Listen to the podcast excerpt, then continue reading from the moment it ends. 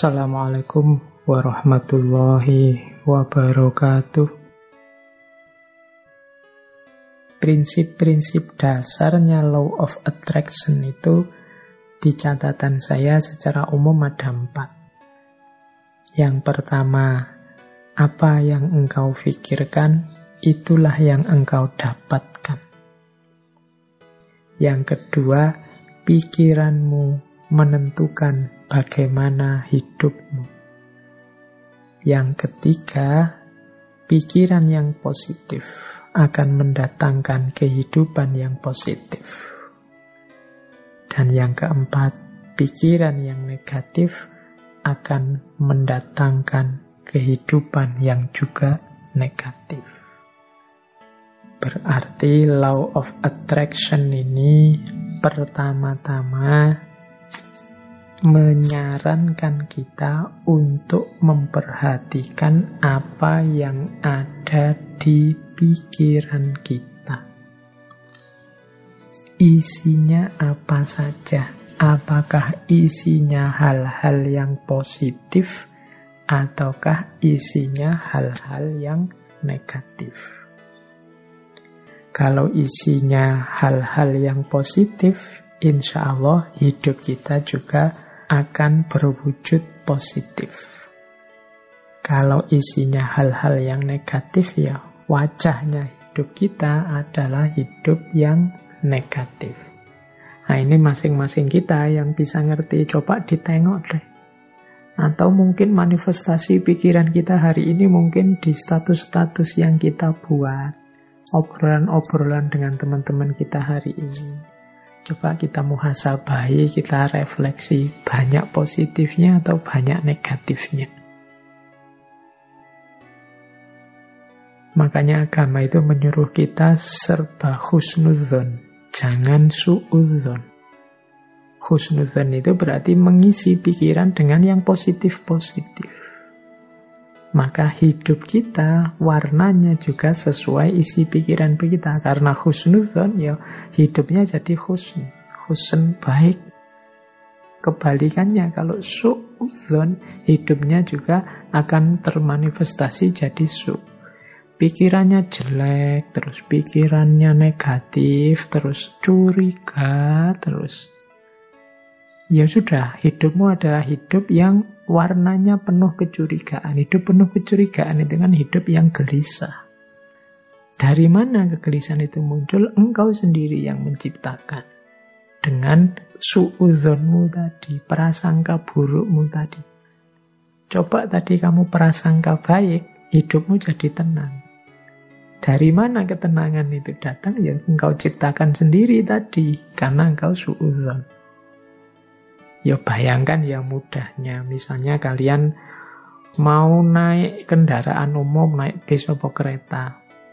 Itu kalau pikiranmu serba prasangka buruk, jangan-jangan nanti dicopet. Jangan-jangan nanti di tengah jalan keretanya tabrakan mogok. Jangan-jangan oh pikirannya jelek terus. Maka kalian tidak akan bisa menikmati perjalanan sepanjang jalan mungkin kamu gelisah ini jangan-jangan nabrak, jangan-jangan nanti ketemu orang jahat, jangan-jangan tidak tenang perjalananmu. Dari mana ketidaktenangan itu datang? Ya kamu awali dari pikiranmu sendiri tadi. Tapi coba engkau husnudon, jadi pikiran yang bersih, tidak curiga, yakin dengan kenyamanan, keamananmu, ya perjalananmu nyaman. Kalau di rumus teori vibrasi, kenyamanan, keamananmu akan menarik sekelilingmu, frekuensinya juga jadi nyaman, jadi aman. Tapi kecurigaan, kegelisahanmu juga akan melahirkan kecurigaan, kegelisahan di sekelilingmu. Hidupnya jadi tidak nyaman. Jadi kalau kita isinya negatif-negatif saja, ya energi negatif yang kita tarik dalam hidup.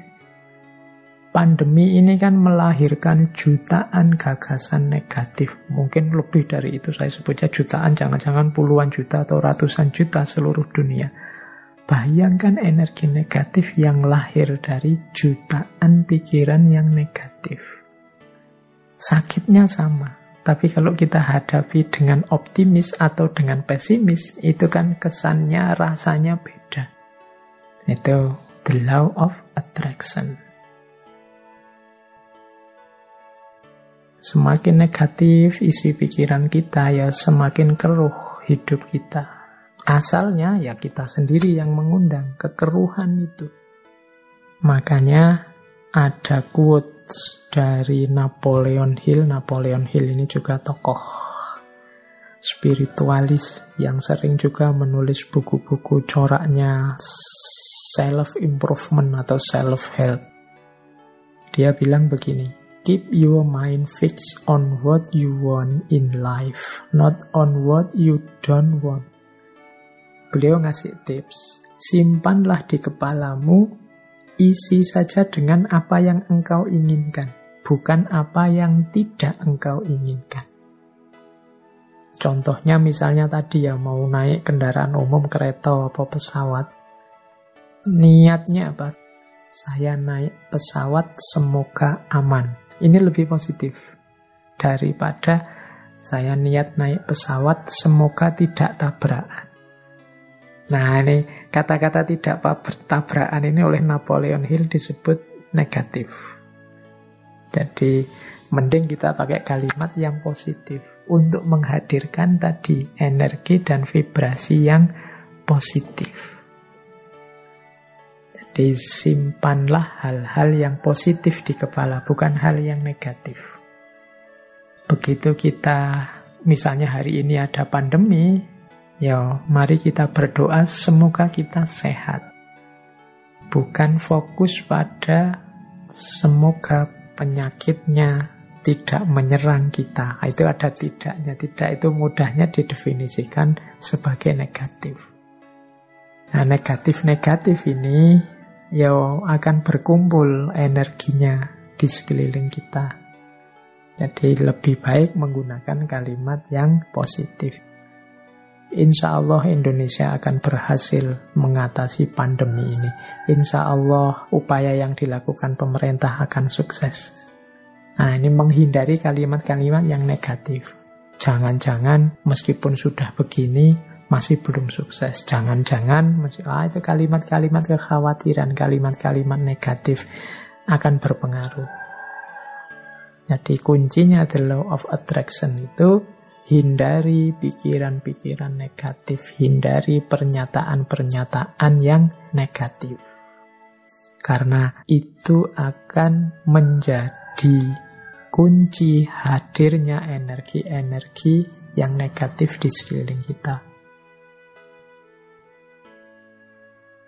Ada quote juga yang saya bawa dari Henry Ford, teman-teman mestinya kenal tokoh ini.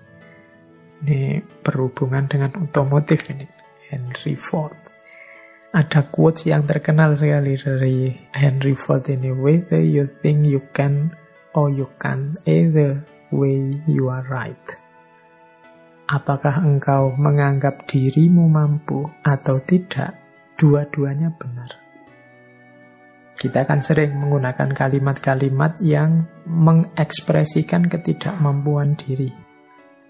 Aku ndak bisa baca loh, aku ndak cakep loh, aku ndak bisa ngomong di depan publik loh, aku ndak bisa menari, aku ndak bisa berenang, aku ndak bisa menyanyi. Ya sudah, karena kita sendiri deklarasi kita ndak bisa ya, akhirnya ya kita memang ndak bisa. Padahal kalau mau kita bisa kok. Saya ndak bisa pak ngomong di depan orang banyak, jadi yo ya iso. Cuma karena sudah merasa tidak bisa, ya selesai dengan ketidakbisaanmu. Saya tidak bisa pak kalau harus menyanyi itu, saya menyanyi itu trauma sekali. Mungkin ya bisa, kalau kamu mau belajar tetap bisa. Semua orang mungkin ya bisa nyanyi. Cuma ya karena tidak mau saja, akhirnya ya memang tidak bisa beneran. Wah matematika itu saya tidak bisa pak. Wah filsafat itu apalagi pak. Puyeng saya tidak bisa. Ya sudah, engkau menganggap tidak bisa, ya engkau tidak bisa. Kalau kamu percaya engkau bisa, pasti engkau juga bisa. Jadi whether you think you can or you can, either way you are right. Kamu anggap dirimu bisa, ya benar. Kamu anggap dirimu tidak bisa, ya benar. Karena tadi terlanjur kamu anggap dirimu tidak bisa, ya sudah berarti kamu memang tidak bisa. Padahal sebenarnya kalau kamu sadar bahwa engkau bisa, ya sebenarnya engkau bisa. Saya matematika tidak bisa, Pak. Sebenarnya ya engkau bisa, tapi engkau menolak untuk bisa saja. Saya bahasa Inggris itu tidak bisa, Pak. Yo ya, janjane ya iso, cuma kamu menolak saja untuk bisa. Kalau mau belajar pasti bisa. Oke, jadi ini contoh bagaimana pikiranmu menentukan hidupmu karena tadi kamu sudah merasa ndak bisa ya wes memang akhirnya engkau ndak bisa beneran dalam kenyataannya. Karena engkau merasa ndak mampu filsafat ndak mampu matematika ya sudah berarti titik di situ memang kalian ndak bisa dan ndak mampu. Padahal kalau kalian mau ya tetap mampu. Makanya menurut saya gunakan kalimat-kalimat yang lebih positif. Apalagi teman-teman ini yang guru ya. Yang punya murid, punya anak didik. Entah di level apa pun, apalagi yang masih masih dalam upaya pembentukan SD, SMP, TK, PAUD. Ini kan hindari kalimat-kalimat yang negatif masukkan dalam isi kepala anak-anak kita itu hal-hal yang positif yang membentuk dirinya secara positif yang penuh harapan, yang penuh keyakinan akan masa depannya, yang menumbuhkan potensi-potensi tersembunyinya. Yakinkan bahwa mereka bisa apa pun yang mereka inginkan, kalau mereka mau. Eh, jadi itu prinsip the law of attraction. Oke, baik. Saya akhiri sekian. Kurang lebihnya mohon maaf. Wallahul muwafiq. Wallahu a'lam bisawab.